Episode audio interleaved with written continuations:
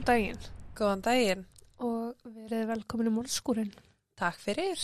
Ég er Jóhanna Ég er Þórdís.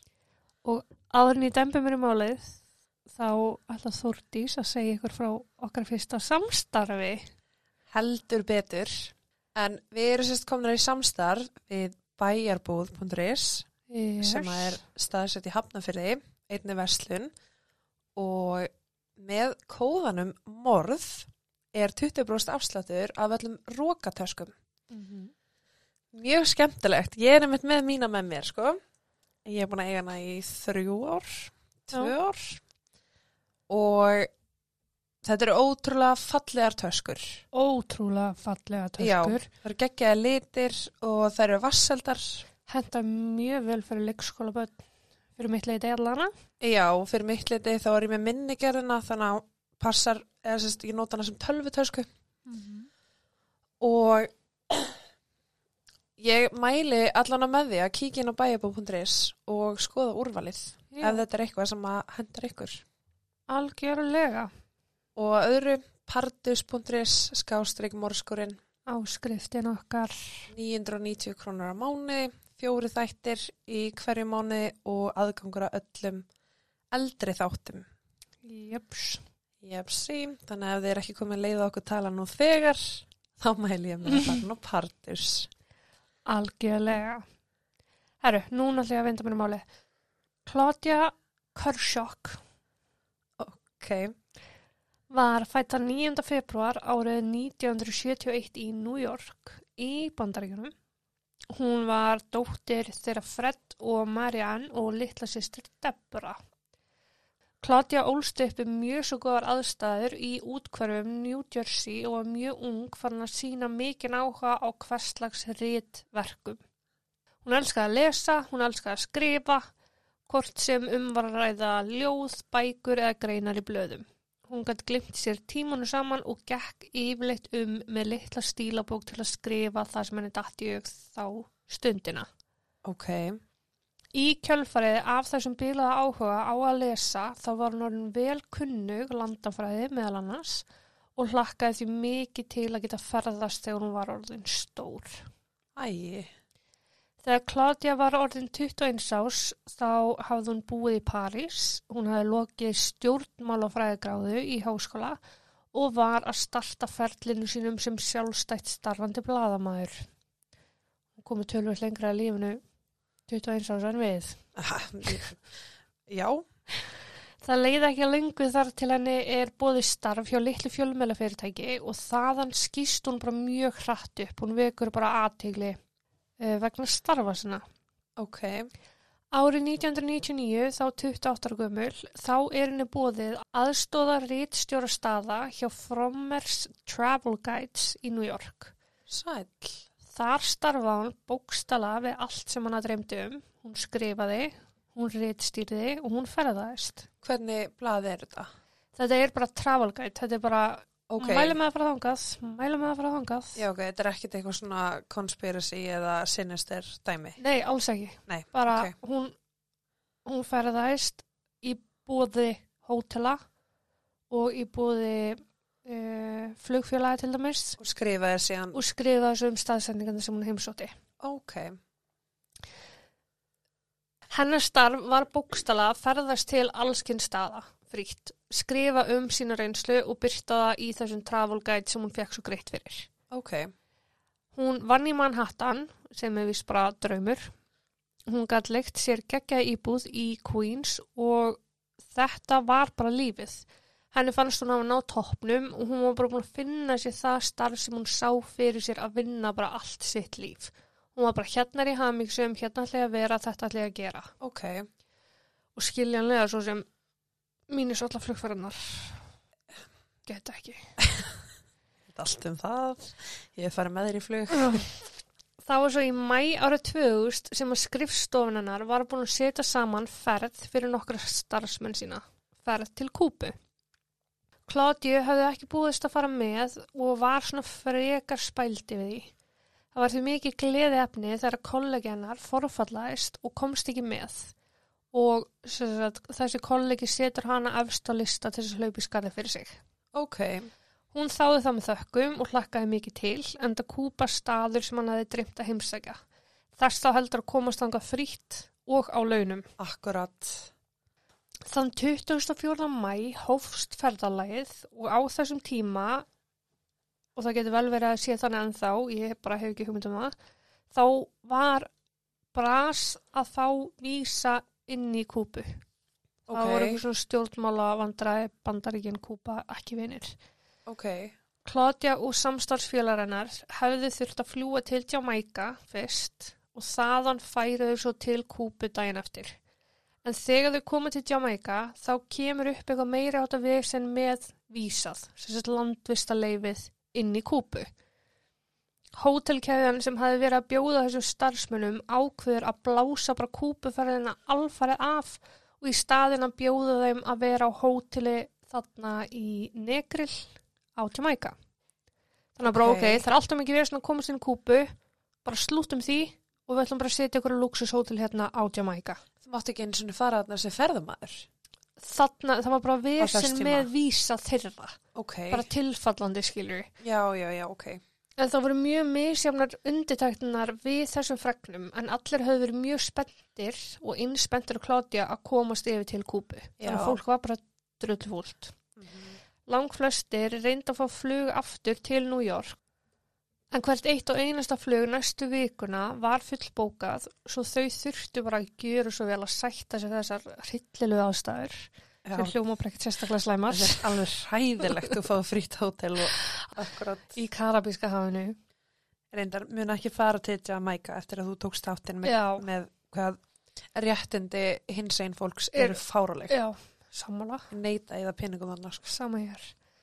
En Tanja Grásinger hétt kona sem var í þessari ferð með Kládíu og þær enda saman á Beaches Negril hótelinu sem er sérst í eigu þessara keðju sem var að bjóða þeim. Til Kúpa upprunlega. Já. Þær kynnast mjög hratt og verða á einum degi bara virkilega góða vinkunur. Og ég sést málega það, þessi hótelkeði var búin að bjóða einum bladamanni þaðan, öðrum bladamanni þaðan, bladamanni þaðan, þaðan, frá mismöndi uh, útgáfufyrirtækjum og mismöndi blöðum og annað Já, til þess að koma og skrifa um sína upplöfun á hótelinu á Kúbu. sniðið. Þetta er bara markaðsaðferð. Já, En já, þær kynnast þannig mjög hratt og verða á einum degi, bara mjög góða vinkunur. Tanja var rúmlega 60 og ekki alveg á sama róli í lífinu og Claudia sem var 29 ára. já, Tanja var bara ekki einspennt að vera förstana á Jamaica í viku. Þannig hún var farin að sækja fast eftir því að komast í flug bara sama hvaða tæki. Claudia hins var, hún gætt séð jákvæði hliðarnar á þessu. Hún hafði uppröðuna ringt í fólölda sinna, hundfúl, yfir því að vera först.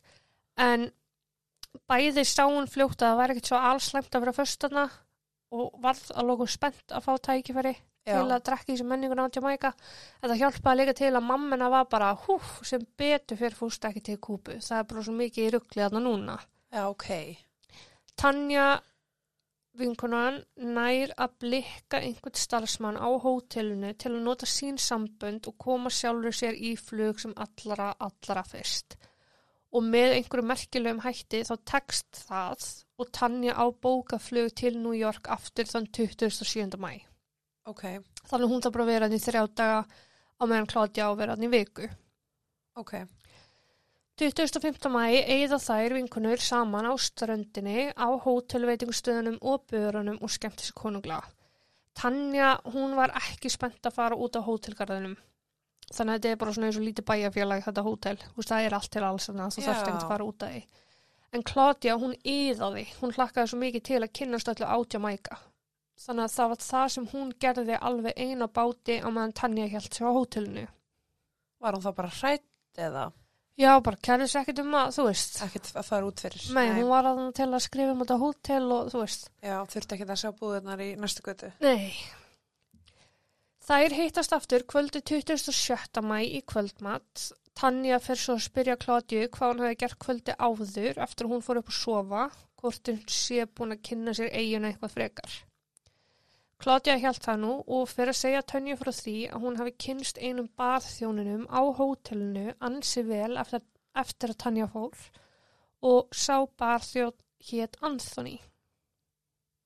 Claudia heldur áfram að segja henni frá því að eftir að vaktinni Hjá Anthony Laug þá hafa hann búið sér með sér á tónleika og síðan meir til að reykja gras. Claudia hafði farið með honum á tónleikana, reykt gras og síðan um kvöldi hafaðu tvö farið að strýpa lingast í sjónunum.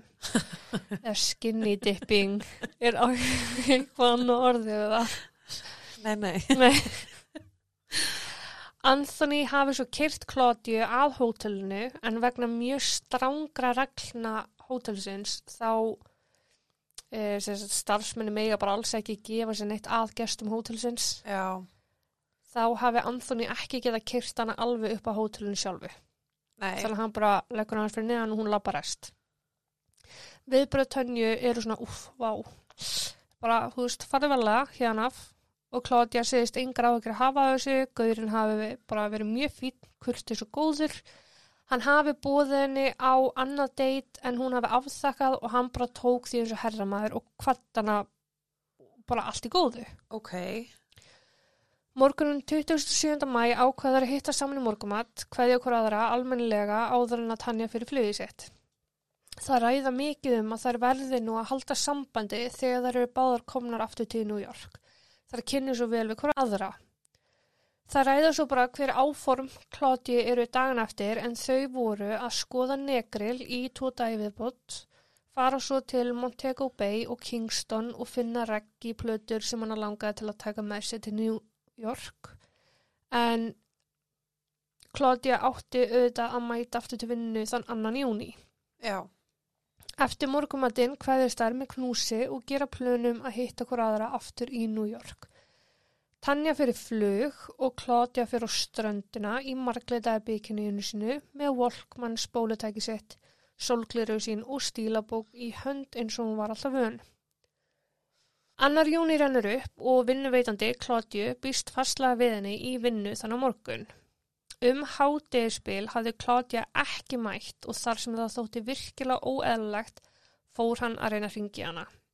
Claudia svaraði ekki síma. Ég skrifaði sko Claudia ansaði ekki síman, ég teka enga sjansa lengur nota góð ykkur. hvað ég voru sama dag að förða sig á því að hafa ekki heyrt neitt frá dóttisni en þau höfðu líka verið að reyna að ná á hana í síma. Ok, en þau höfðu líka verið búin að lesa fullt af skilabóðum inn á talhólfið hennar. já, sem hún hefði þá spilað þegar hún kom heim. Já, og þetta var eitthvað svona bara krútlegt fyndið, þú veist lúðalegt fóreldra múf Já, ok, en úr verður allan að þau ringja í vinnunarnar og fá þá þær fregnir að Claudia sé ekki mætti vinnu og svari þeim ekki heldur síma. Fóreldrar hennar ákveða því að heyra í hótelinu á Jamaica og sjá hvort að Claudia hafi jafnvel lengt ferðina sína. En þá komi ljós að þernurnar á hótelinu hefði komið að herbyggi Claudiu tómu deginum áður og líka átt að segja á því að Claudia hefði trúlega ekki sofið í rúminu sinu í einhverja daga. ok, og voru eigur hennar þar inni? Allar eigunar nást. Ok, Þernurnar höfðu kallað til lauruglu og tilkynnt Claudiu tinda. Ja, svona bara látið vita af áhugjum, bara ok, hún er ekki búin að koma hérna í einhverja daga. já, Þú veist, herbyggið er búið að vera svona bara síðust þrjá daga, fjóra daga. já, akkurat, og væntalega þurfa þær líka bráðum að fara að þrýfa herbyggið, alltaf aðrir Já. sem að koma. Það er einmitt máli, sko. Lauruglan hafi komið á svæðið og skoðað herbyggið. Herbyggið hennar var tandurhint. Allt út Claudiu var snirtilega pakkað í ferðartösku, vegabrifið hennar, flugmiðin til New York, símin hennar, myndavel, kreditkort og mikið reyðu fyrir var í peningaskáp herbyggsins. Þannig að það er eins og hún var búin að pakka niður, eða var það bara þannig þegar hún kom? Hún var ekkert að taka upp Bæði, töskunum. hún bara var svona töskugella. Hún er ekki eins og við að rífa allt upp á töskum og út um allt. Ok, eins og við. Ert þú típan sem að setja fötin í fatarskap fyrir vikuferðalag? Ég sagði eins og við Setur þú fötin í fatarskap? Nei, við rýfum allt upp á töskun og það liggur á gólfinu. Þá eru við töskupíu líka. Það eru tvær tegundur af fólki. Já, Það er fólki sem að gengur frá fötunum sínum. já, nei, við erum ekki þar. Nei. En við erum ekki snirtilega með töskunar okkar heldur. Sko. Alls ekki. Nei, Klátja var snirtileg, annað en við. Ok. Það leit allt út fyrir það að Klátja hafi bara alltaf rétt skrepp út af herbygginu en aldrei skila sér aftur. Lauruglan hefði því bara tekið allt út hennar úr herbygginu, komið því í lobbyið til starfsmanna svo að hóteli geti tekið á móti næstu gestum. Já, Fóreldra Kládju ákveða að heyra í bandaríska ráðuneytinu á Jamaica og fá þær upplýsingar um að Kládja hafi í raun náða bóka flug heim þann 29. mæ og því enn frekar ástæði fyrir því að hún hefði átt að vera komin heim. Já, þremur dögum, fjóru dögum fyrir vinnuna. Já, tvö bókuð flug heim og hún í hvoru þeirra. Já, Fóreldra Kládju voru nú bara á leiðinni með næstu vél, vél til Jamaica. Það var eitthvað erfitt að það liði þarna fjóru-fimm dagar þannig að þau lóks komast út. ok, En þeirra stærsta áhyggjur höfðu verið þær að laurugledeild Negril höfðu bara alls ekki tök á að fara með rannsókn málsins. nei, En starinn málsins var svo að þetta, þetta er pínu lítið laurugledeild með nánast enga þekkingu eða burði til að fara með svona rannsókn. nei, Það átti líka eftir að sanna sig. Já, en ég meina, sko, ef það var þarna þriðja júni, Annan júni áttan að mæti vinnu. já, sem að þau eru að komast að þessu, svo líða fimm dagar ofan að það, Já, þannig að þau eru ekkert að komast út fyrir mögulega, já, mögulega viku einn og halvri frá því að hún sá síðast. Mm Hei, það er ansið langa tími. Það er mitt lás svona frekar ljóst fyrir að Klátja hefði trúlegast horfið þann 27. mæ. Já, Þernurnar höfðu munið eftir því að rúmmeðinar hefði verið ósnert frá þeim degi. Lífvörður á ströndinni myndi eftir af síðan á vappi þannan dag líka. Lýsingin á henni var svo sama ég nefndi áðan þegar hún kláraði morgumatinn með tönju. og fór síðan á ströndina. Já, Já, þannig að þú veist, hann hefur síðan annað þá að hann setna um daginn. já, Strax var farið að aðtöga hvort hún hefði mögulega getað druknað en hún sást jú síðast í bygginni á vappi á ströndinni. Lauruglumenn á svæðinu fannst það svona frekar óleglegt og, og frekar vera kenning sem ætti að mæta rest. Já, En ströymandar á svæðinu eru þess legir að ef að Klátja hefði farið í sjóin þá hefði sjórin trúlega skilað henni aftur einhvers þar á eiginu. ok, Vatnið er mjög grönt líka og enn sem komið var, það var ekki komin inn tilkynning um neitt líkfönd nei, á ströndum Jamaica. er þetta stór eiga? Uh, já og nei. Eistu minna, er þetta eitthvað sem að þú tekur þyrlu og flýgur hringin í kringum eiginu eins og Tenerife? Nei, þetta er alveg starra það sko. Hún er, hún er 240 km lengt og 80 km aðbreytt. Þannig hún er svolítið lung sko. Eða hún er svolítið stór. En hún er minn en Ísland. Ok, Það var útilokað hratt og öruglega að Klátja hefði getað yfirgefið eigin á eðlilegan máta. Hún hafði í það minnsta ekki ferðast á sinni eigin nafni og þá þótti engin ástæð til að halda að hún hefði ferðast á einhvers annars nafni. nei, Hóteli sem hún var á er fimm stjörnu resort, þannig bara luxushótel, þannig að öryggiskeslan er augljóslega eftir því, já, bara mikil og góð. Bæði eru myndavelar út um allt og allir sem að koma inn á svæðið þurfa að skrá sig inn og út. Sama gengur yfir alla bíla sem keira inn á svæðið. Bílnúmerin eru skráð samvisku samlega niður, þannig að þú veist það er hægt að stemma það af hver er þetta inni Já. sem á ekki verið þetta inni. ok, það er sniðut. Mjög. Nei, múið setja smikla ykkur minn, það var ekki sniðut. Já, en það lá auðvitað beinast við að aðtjóða þess að skrá þó frekar. Já, En þegar lögreglan fyrir að grúska í þessu þá kemur ljós að skráin fyrir mæmónuð þú ætla svo innilega að hlæja mér ég hætti við, ég hætti við. með öllum nöfnum inn og út og bílnúmerum. Hún er horfin. Ó, ok, ok. Og í kjölfari kemur í ljós að síminn hennar Klátju sem var í höndum starfsmannahótelsins, hann er líka horfin. Býtu, af hverju var hann í höndum þeirra? Lögreglan vissi bara ekkert hvað að gera við þetta þannig að þau letu bara lobbyið fá þetta. Já, hún skildi þetta eftir þegar hún fór. Já, þetta var allt í nörgshólun hennar. Ok, En hún var náttúrulega ekki með, hún var að skoða. já, þannig að, já, þannig að þetta allt er horfið uh, tilviljun að það sé kannski eitthvað sem er að vinna á hótelinu. Mm. Ding, ding, ding, það held ég líka.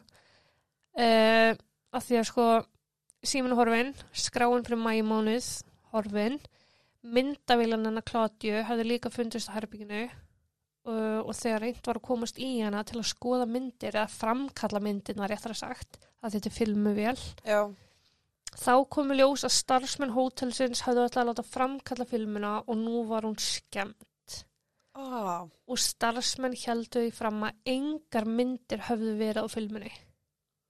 Ok. I call Ég bullshit er það ekki bara til að hilma yfir að hún var einhvern veginn skemmt. Sko, það var læmmyndalina Já, filman. sjálf Já. var ónýtt Já, þú veist, þú er bara að framkalla hana þá getur ekki framkalla hana aftur Já, í þessu tilfelli allana þannig að myndinar af filmunni starfsmennir vildu meina það að það hefði ekki verið neina myndir á filmunni ok, já. Maður fyrir þetta að mæka með mynda og tekur eitthvað myndir. nákvæmlega til að kórona þetta allt saman þá voru myndavilar hótelsins búnar að taka upp myndefni yfir allt myndefni frá dögunum sem að Klódja var á hótelinu Hver eru líkunar á því?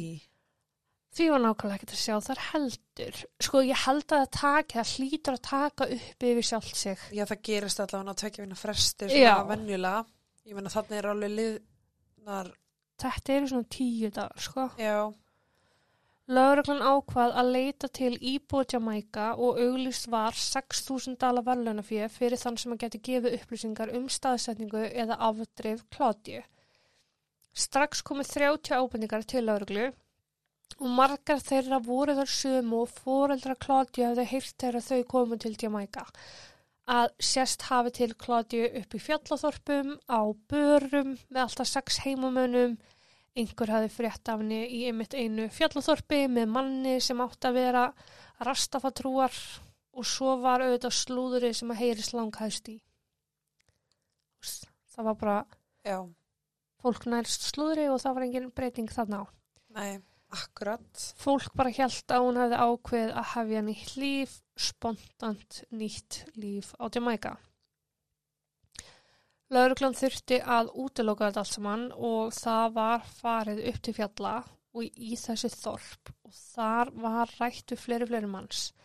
Margir sögðist kannast við hana en aðrir sögðist aldrei hafa síðan hana og eftir að líti gekk í þessari leiti í fjöllunum þá var bara ákveð að ganga út frá því að um væri að ræða bara innan tómt slúður manna á milli.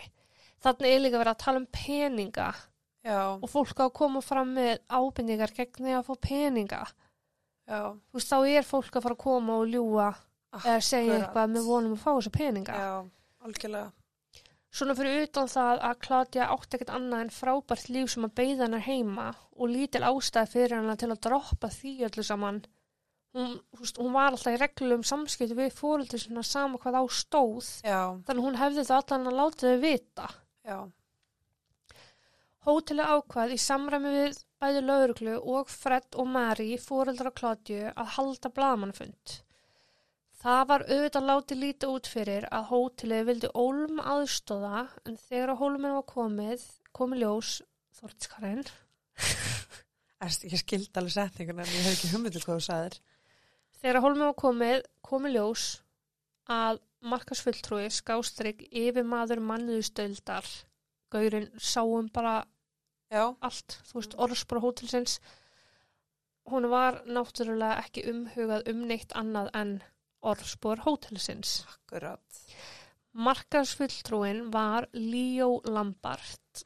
Hann kom fram á fundinum þar sem hann saðist harma þetta mjög mikið. Að hann fyndi svakalega til með fjölskyldu Kládju en hafði nú samt fyrir að segja frá Kládju í allt öðru ljósi en raunin var. Hann sagði frá ungri konu sem var sólgin í ævintýri sem hefði mist sig í Jamaica drömnum, uh, vildi Jamaica djammið, hún reykti fullt af grasi og meira segja hafa hún sofið hjá starfsmanni hótelsins. Og sagði ástæðan fyrir því hafa verið að Claudia didn't mind screwing around. Já, ok. Leo reyndi að fullera það að Claudia hefði bara stungið af til að vera um nýjum ástmanni í leit að nýju lífi. Langt í burtu frá niður drepandi ameríska lífinu sem hún átti í New York. Þetta er notabenni sami maðurinn og varði starfsmennina sem að týndu skránum. Já, Þessari skrá klíndi því á mannleg mistök. ok. Hann hafði líka sagst hafi síða Klodju degi setna en nokkur annar sá hana sem bara klúðraði upp hafi rannsóknir hennar sem bara pyrrandi. Þú veist, var bara, nei, ég sá hana 28. ég get svo svarið fyrir það. Já, En Fred og Mary voru þetta berjáluð að heyra þetta á blaðamannafundi. Á blaðamannafundi, já, þú veist. Þannig að þetta var það sem að fjölumila voru fjallum. akkurat. Bara ert að væri bara einhver, já. Sömulegis var Tanja vinkona Klodju svo sem hafi sagt frá þessum hótel starfsmann upplýsingum. Nefnum hún hafði aldrei sagt að Klodja hefði sofið hjá nokkru manni en það hafði Klodja sjálf tekið fram að hún svaf ekki hjá Anthony. Hún fór bara hann á tónleikadæti. Já, og strípalinga í sjónum. Þannig að skinny dip Já, í sjónum. líka bara hann er ekkert eitthvað að setja betra orðspor á hóteli með því að segja að þar séu fólk eða sérst kunnar sem að er að reykja gras og djamma og sofi á starfsfólki Já. það lítur ekkert betri út heldur en einhver að hafa horfið sko. Nei, þú veist, hann er búin að taka allt elegansi af hótelinu nákvæða það finnst mér sko. En hann Já. er alltaf meiningin að svarsan bara að reyna að láta Klodju líti út fyrir að vera allt annað en hún var. og þetta hafi þá bara verið henni Að hún hafi bara látið sig hverja sjálf. já, já nei, Nei. Eigandi Sandalshóteluna, einn ríkasti maður Jamaica, ringdi sjálfur í Fred og Mary og baðist innilegur afsökunar á hvernig Leo hefði farið að þessu og fullirti að starfsfólk sitt kæmi til með að takast á við afalegingar í kjölfar þess hversu illa þau fóru að hvarfi Klodju. ok, það er gott Já. Hann bauðst til að gefa um 25.000 bandarækjadali til að setja í velunaféð sem var auglýst gegn upplýsingum um hvarfið. Þannig að velunaféð var núna orðið af 50.000 dölum. ok, Sér að mamma hennar og pappa höfðu líka sett peninga í, já, svo höfðu vinnan hennar líka sett peninga í og það er þá 50.000 dalir og þá sagt, það sem var þá 20 sinum hærra en meðal árslaun á Jamaica. oh my god þannig í kjölfarið koma allar ábendingar heims Já. já, Og einu ábendingarnar sem komu voru þessar að sérst hafi til hennar í einhverjum þorpum hér og þar. Í slæðtói við einhverja misgála menn. Er það, það var eitthvað, þú veist, tilfelli um einhverja konu sem fótið til Jamaica og enda á því að fara frá manninu sínum að því hún kynntist einhverju manni í Jamaica. ok Þú veist, jú, jú, shit happens. En það þýðir ekki að gerist einhvern einasta túrista sem kemur til landsinn, sko. Nei, akkurat, og líka bara ef svo er að þú kynnist einhverjum manna, Já, þú lætur alveg fóreldræn að vita algjörlega. þó séu kannski ekki alveg samþykk því að þú bara ætlar að breyta lífstil og færa þig yfir þangaði, skilur við. Nei, Að þú segir samt alveg hvar þú ert og skilur ekkert dótið þitt eftir. á hótelinu, hún er manta hvað hún bara hefði þetta nýja líf Og bara á bygginíunu. Já, og aldrei komast aftur heim af því að meitt.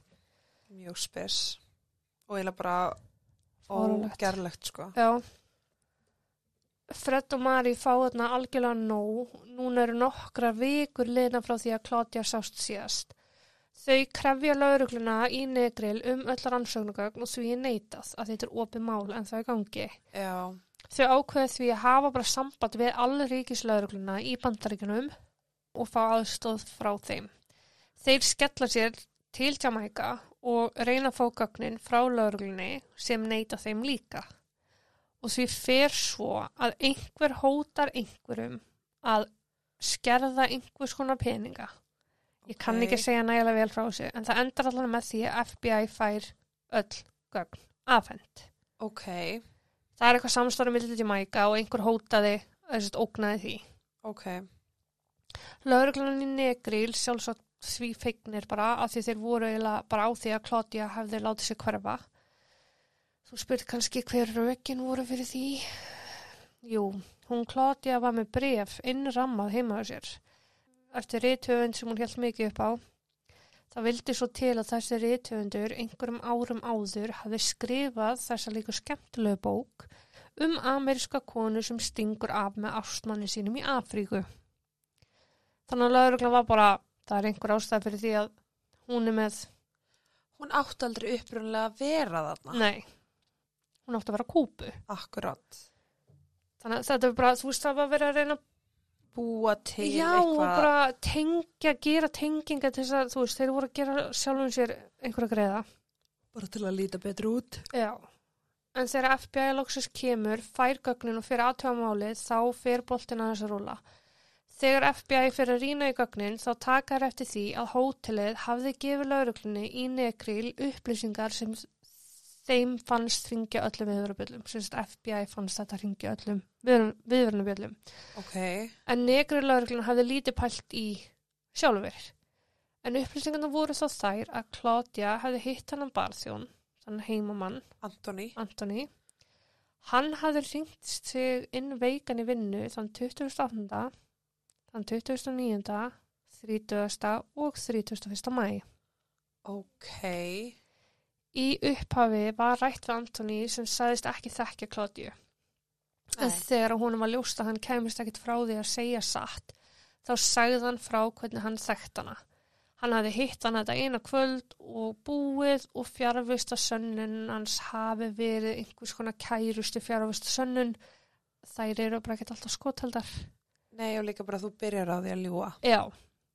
Þannig að fyrsta skref var að fá leitarhund, amerískan leitarhund til Jamaica sem heitir Valerie. Og hún var látin þefa og leita eftir einhverju sem getur mögulega bent FBI á hvar Claudia var niðurkomin. Sérst frá hótelinu. Já.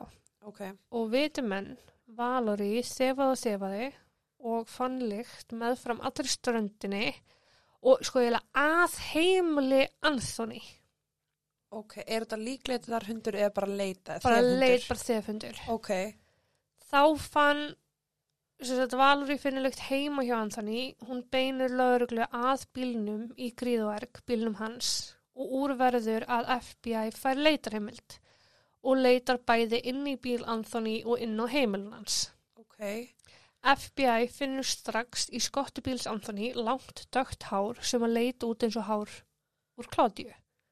Ok, Þeim fannst freka furðulegt að bílinn var haugskítur en samt voru sætis áklæðin glæni. já, glemdu því. glemdu því. eins og þeim hefði hreinlega verið skipt út nýlega. Inn á heimilinu síndi Valori skóm Anthony sérstakann áhuga svo þeir voru teknir á samt hönskum og á meðan leita var í húsinu fannst nýfur sem var með einhvers konar riði skástrík rauðum lit á. Ok, En allt leit út fyrir að þetta væri blóð á nýpnum. Allt þetta var sendt í greiningar, alla leið til bandaríkina og það átti ekki eftir að koma niður í stað fyrir en eftir sex vikur. Á meðan var tíminn notaður í að skoða Anthony betur.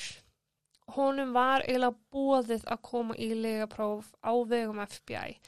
Mér skilst á öllu að ekki var nómill grundvöldur fyrir því að handtaka hann eða neyðan í nokkurt skapaðan hlut og Anthony þykkur sjálfur að setja þetta legapróf. ok,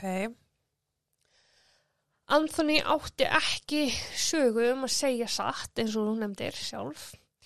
Hann hafði neita fyrir að þekka Klódiu, svo saðist hann hafa hitt hann tvö kvöld.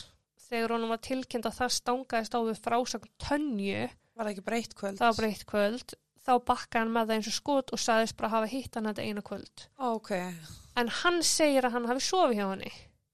Það skiptir einhver máli í stóra samhenginu skilur en hann er bara fíbla ljúum það. skipti máli ef hún finnst einhversta látin og með sæðið hans. Já, klálega, en þú veist, ef þau hittust bara þetta eina kvöld, Já, Claudia segir að það hafi ekki svoðið saman. já, hann er að bæta ofan á Hann það. er að bæta ofan að það. Já, Í legaprófinu var vonast eftir að hann er þið grepin glóðvolkur.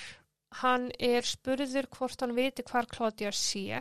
Hann svara því neitandi og það stendst sérst, líkaprófið. þessi spurning. Ok, Því næst var hann spurður að annars vegar veistu hvort að eitthvað hafi komið fyrir Kládju og hins vegar veistu hvort að Kládja sé á lífi? Sem hann svaraði hvort tvekja neitandi sérst segist ekki vita hvað hún Hvort- er og hvort hún á lífi. eða hvort einhver hvort einhver hafi komið fyrir hana eða hvort hún á lífi. Ok, segist ekki vita það. Þar komst upp um hann.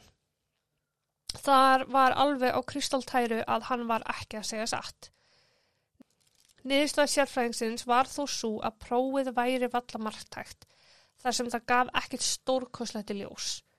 Það er að segja, hann gæti sjálfum hafa grunað að einhvað hefði komið fyrir Klódiu án þess að hafa einhverju hugmynd um það og að það myndi þá hafa áhrif á niðurstöðu prófsins út af þessum spurningum. Hann gæti líka hafa kastað henni í sjóin og þess vegna veit hann ekki nákvæmlega hver staðsendingin er og er ekki að ljúa. Þegar hann spurður, veistu hvar Klódia er? Þá segir hann nei og það stens. Já, þess vegna að segja, hann spur, já, en þú veist, þegar hann spurður, veistu hvort hann sé á lífi eða ekki, það er nóg fyrir hann að bara, þú veist, ef einhver myndi setja okkur í legapróf núna og myndi spurja okkur, er Klódia á lífi? ég veit það ekki. Þú mátt ekki segja, ég veit það ekki. Ó, uh, nei, skilur já, já, Já, ég þú fætti það meinar, já. það er alveg vaðið þar. Já. En það sem að verra var, var að niðurstöðu lífsýnaransóknar annara, og hvað það var erfitt, þær voru líka ófullnægindi. Ekki tókst að ná neinu almennilegu lífsýni af skónum, hnípnum eða hönskunum. Og því var FBI bara ekki meðnett í höndunum og bókstela engan grundvöld fyrir því að halda Anthony áfram. Hvernig var ekkert að ná lífsinni? Ég veit ekki. Honum var því sleft og gefin út yfirlýsing þess efnist að ekki þætti ástæði til að líta frekar á Anthony með stöðu grunas í máli Klódiu. Í, hann getur verið með stöðu grunas í mörg ár, Já, bara þar til að eitthvað nýtt kemur upp í málunni. hann var allan að frjálsferða sinna og allt og þetta er bara kallt mál. Anthony var svo auðvitað sagt upp sem bar þjótt hótelsins en það braut hann regluna um að koma ekki nálagt gestum hótelsins. Akkurat. Því líka refsing fyrir hann. Mm Fred og Mary voru mjög reyð yfir þessum framgangi en það var bara ekki neitt að koma upp á yfirborðið. Þau voru bæði tvö búin að segja upp vinnunum sínum, harð ákveðin í að finna dóttina og þau mættu einn tómu mótlæti. Þegar FBI og lögreglan í Negril voru bara hérna hér um bil búinir að draga sér frá málinu þá tóku þau hjónin málin í sína eigin hendur. Þeim þótti hótelið hafa sínt af sér mikið gáleysi. Upplifun þeirra var að einhver vissi eitthvað en kaus að segja ekki orð. Sér í lagi þegar uppkomst að herra Líó Lambart, fýblið á blagamannafundinum, hann var líka í duglafullu veikindafríi sömu dag og Anthony. Já. Og hann alltaf með aðgang, hann er yfirmaður. Já, Hann alltaf með aðgang að þessu öllu. öllu. Og sagan segir að hann hafi reynt að verða sér út um nýtt vegabref þessa daga til að þá væntalega komast af eiginni undir öðru nafni en sinu eigin. E, já. Þau hjónin reyndu að vera kurtis í byrjun og óskuðu bara eftir samstarfi við hótelið en það var bara lokað hurðinni beint á þeim þannig að þau kusu að fara í hart og þau höfðu, þau höfðuðu engamál gegn hótelinu þar sem að þeim fann starfsmenn hótelsins hafa gert segir um að hindra framgang réttvísarinnar Já. með því að þá hilma yfir kvarfið eða hilma yfir þann sem er segur og fyrir ránglátan dauða dóttu þeirra eða Akkurat. wrongful death. Símin, myndavélafilman, myndavélar efnið og þessi skrá hurfu sporulaust og það er bara ekki nokkur einasta tilviljun. Ok, ef þetta hefur eitt hlutur en allt þetta Já, og líka bara, ef þetta er ekki eitthvað sem er að gerast reglulega, þú veist, Nei. með alls ekki. annað fólk að sé kannski vera að stela þessum hlutum. Nei, Þú veist, ef þetta er eitthvað sem er ekki ve- venjulega að gerast, að þá náttúrulega er engin tilviljun fyrir þessu. Mm, Nákvæmlega. Það átti eftir að reynast þeim hrikalega erfitt að fá málið í réttan farveg en þar sem að þau eru að ásaka hótelið um að valda dóttir þeirra eh, wrongful death, já. ránglæta dauða en hún er faktisir á lífi á Já. blaði þá var svo sem ekkert saknæmt til staðar.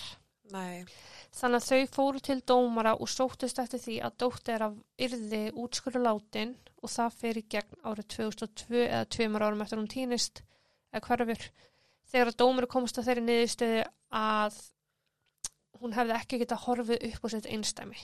nei, Og það var þá fyrst þá sem að máli gegn hótelinu fór í réttan farðveg og það eru litlar upplýsingar um hvernig það allt sem hann fór en árið 2005 eða þreymur árum síðar þá fréttist að það hefði náðust einhvað samkomlag þeirra á milli.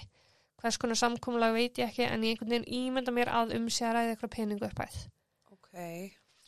Eins eru þau gríðarlega óanæð með vinnulauruglunar í Negril en þeim grunar að reynd hafi verið að gefa þessum máli sem minnst aðtikli en Jamaica þrýfst á túrisma Já, og þetta vissulega skemmir orðsporið. akkurat. Fred og Mary réðu einhverspæra eftir einhverspæra til að ráðast í mál dóttöra en ennþá í dag veit enginn hvað varð að Klodju. Í gegnum árin hafa búrist þeim ábyrningur og bref en þau stopnuðu vefsíðu á sínum tíma til fólk geti sendt inn ábyrningar, opnuðu 24-7 símanúmer sem að tóka á móti ábyrningum og postbox var opnað ef einhver vildi senda upplýsingar brefleðis. Kenningarnar, hvað varð um Klodju, eru svo sem þær sem ég farið yfir hérna í málunu. Sumir tæljan hafa druknað, aðrir segja hann að hafa hlaupið á brott til hefa nýtt líf. Einhverju nefna hákalla árásir, ég bara veit ekki eins og hvort það séu hákallar við strandur Jamaica, það má vel vera, Ég minna væri það þá ekki líka eitthvað fréttnæmt. ég held ég. Tvær ábendingar hafa borist síðustu ár sem að vekja vissulega óhug. En í fyrri uh, ábendingunni þá var það maður frá Jamaica sem hringdi í útvarpstöð í bandreikinum og sagðist hafa upplýsingar um Klodju. Hann sagði að tveir menn hafðu sagt sér einhverjum árum áður að Klodja hefði verið grafin í tunnu einhver staðar og hann vissi hvar bæði tunnan og Klodja væri. Ok. Engarspæri var fenginn til að aðtöða þetta frekar en það verðist ekki þá að koma úr því þar sem að litlar upplýsingar eru til um þessa ábendingu og ekki hefur komin eitt fram um að tunna eða Klodja hafi fundist. Ok. Setni ábendingin bar svo brefleðis og stílað á Fred, pappa Klodju. Í brefinu stendur að Klodja hafi verið í partíið þar sem henni hafi verið byrlað Ólefjan með þeim tilgangi að kynferðislega misnótana. Stuttu eftir að henni hafi verið byrlað hafi hún byrjað að krampa, mist meðvutund og látist mjög fljótlega eftir. Hvar líkið var eða hverjir voru í þessu partíi kom hvergi fram. Og af hverju ætti þá Anthony að vera með háriðnar og nýf? Anthony hefur náttúrulega gett alveg verið eitthvað tengdur þessu þó að það hefði gæst í partíi Já, eða... þú veist, ef hún overdose eða bara skilur Já, já. Já, já. Síðustu árum hafa hjónin eitt í að aðstofa aðra fóreldra í þeirra spórum en þegar Natalie Holloway var spórlust frá Aruba, Já, Þórti sem hún að taka það mál, þá blöndu þau sér inn í málið, settu sér í samband við fóreldrarnar og kvöttu þau áfram að standa först á sínu og halda áfram að blása lífi í máldóttu þeirra. já, svo bara peppaði, bara ég veit þetta er erfitt, ég veit hana, þú veist, það er eins og enginn sé að hlusta, þetta megið ekki gefast upp. ég var einmitt að vera að segja að þetta er mjög eðlislíkt mál við Natalie Holloway. að mörguleiti, sko, af því það er, eins og í nátalímálunni, þú veist, það er, við vitum hver það, sko. Já, Þú veist, hann bara situr í fangilsi í Tíla núna. aha, En mínir peningar eru á að Anthony að minnstakosti veit eitthvað. já, sko, ég reyndar, ég er mjög forvitin að vita hvað mögulega var í símanum hennar sem gerði að verkum að hann þurfti að hverfa. Já, Var hann búin að taka myndir af Anthony eða öðrum eða, 2000, sko. já, þú veist, maður spyr sér bara af hverju er símin að hverfa ef það var mögulega ekki. Var, var hann kannski með símanúmer? SMS. SMS skilabóð hitti mig hér eða eitthvað. Já, þú veist, það hlýtur að hafa verið eitthvað og þá spyr maður sér líka bara, þú veist, eru ég veit að tæknin var ekki það góð þá nei. en þú veist, var engin möguleiki að skoða fjarskipta fyrirtækin og reyna að fá ykkur upplýsingar úr Það var ekki, sko, það var náttúrulega ekki að pinna símanana neitt hann því að hann náttúrulega var á hótólinu upprunlega, já, upprunlega. en þú veist, og að skoða um, hvort hann hefði sendt eitthvað eða ringt eitthvað. já, Sko, ég talaði mjög ólíklegt að því hún er að skilja síman eftir á hótelinu og fara út og labba og kynnast menningunni og já þannig að þetta er greinilega bara eitthvað svona Bara ég get tekið hann í alltaf Nokia, Já, já, þú já. veist já, 35 til, ég veit ekki Núll hvað einn. nú- já, eitthvað, Já, 12 já, en þú veist, ok, er, maður hugsa samt bara eitthvað, ok, síminn var greinilega það mikilvægur, það var eitthvað í símanum. ég hefði haldið það líka en að sama skapið þá verðist vera engin svona rökrétt útskýring af hverju síminn hvarf annað en bara hann er horfinn Já, og líka bara, ok, ef hún overdósa í þessu partíi, Mhm. af hverju ættu þessi gögn með hver keirða hótelið að hverfa? já, Það er einhver gögn sem að hótelið geymir og þú ert ekki að henda því af því bara. nei. Sko með þessi gögn ég held bara að hljóti að vera að Anthony hafi kyrt inn eða Líó hafi kyrt inn á svæðið. Eða þá að það hafi komið í ljós að til að tjekki sig út og kom aldrei aftur heim og það er það sem þeir vilja ekki að þeir viti hvenar hún fór. Já, ég held að það sem máli með þessu logbook. Já. Það, er, það hlýtur að vera eitthvað sem að tengir einhvern starfsmann við af því að undir öllum kringustæðum þá myndi þetta fólk frekar hjálpa mm til, til að leysa þetta, til að taka orðsporið af hótelinu. já en við sáum þetta samt líka í hérna, Elijah málinu það, það er samt Mexíkó. svona, það er eins og fólk haldi bara að, að það kemur upp eitt svona mál að bara að fólk mun ekki fara. já. Ég myndi frekar vilja fara ángar, sko. já, ef að það er bara tekið ábyrð á hlutunum og bara ok þú veist þetta gerðist, nú erum við búin að endurbæta og gera og græja Já, Og meiri Já. og eitthvað, því að þetta getur gerst hvar sem er. Það Hvar þýðir ekkert að er, hótelin sem þetta gerist á séu verstu hótel heims. nei, og það sem að starfsmenn hótel að gera hefur ekkert með, þú veist Nei, það var starfsmenn, starfsmanns hót, nei það var hótelstarfsmann hérna sem að misti sitt eigi badd sko akkurat, við erum ekki að tala um hóteli í dag sem eitthvað suppu hótela því að það Nei. kom fyrir við tölum um aðilan, já, skilur við, þannig að já, nákvæmlega. já en ég ætla bara að segja þetta gott held ég Já, er eitthvað meira að veta bæta? nei, bara, þú veist, 2022 í dag, hefur ekkert komið fram. Eru þau Ekki. enn að leita? Já, þú veist, slaka skjórið svolítið öldru. já, og þau er bara sýstrinnar greið hún er bara eitthvað á meðan ég veit ekki alveg hvað gerðist þá var ég bara að trúa því hún komið heim einn daginn. Ok, og Anthony bara lifið sinni lífi og Líó hef og... um, hann hætti hann alltaf bara að vinna á hótelinu, Líó er komin í annað starf, hann var líka okay. rekin að lokum. Já, hvað þeir eru að gera kemur svo sem fólk ekkert við af því þeir eru ekkert viðrinir málið þannig séð lengur. nei, þú veist, vonandi er þeir bara ekki að vinna í stað. Nei, vonandi ekki, ég hugsa að það fara ekki ofal á felskana eftir þessa reynslu. Nei. Nei, nei, nei. Nei, nei. En já, Já, segðu gott dag. yes, sirree. All right, uh, takk fyrir mig í dag og takk og bless. Takk og bless.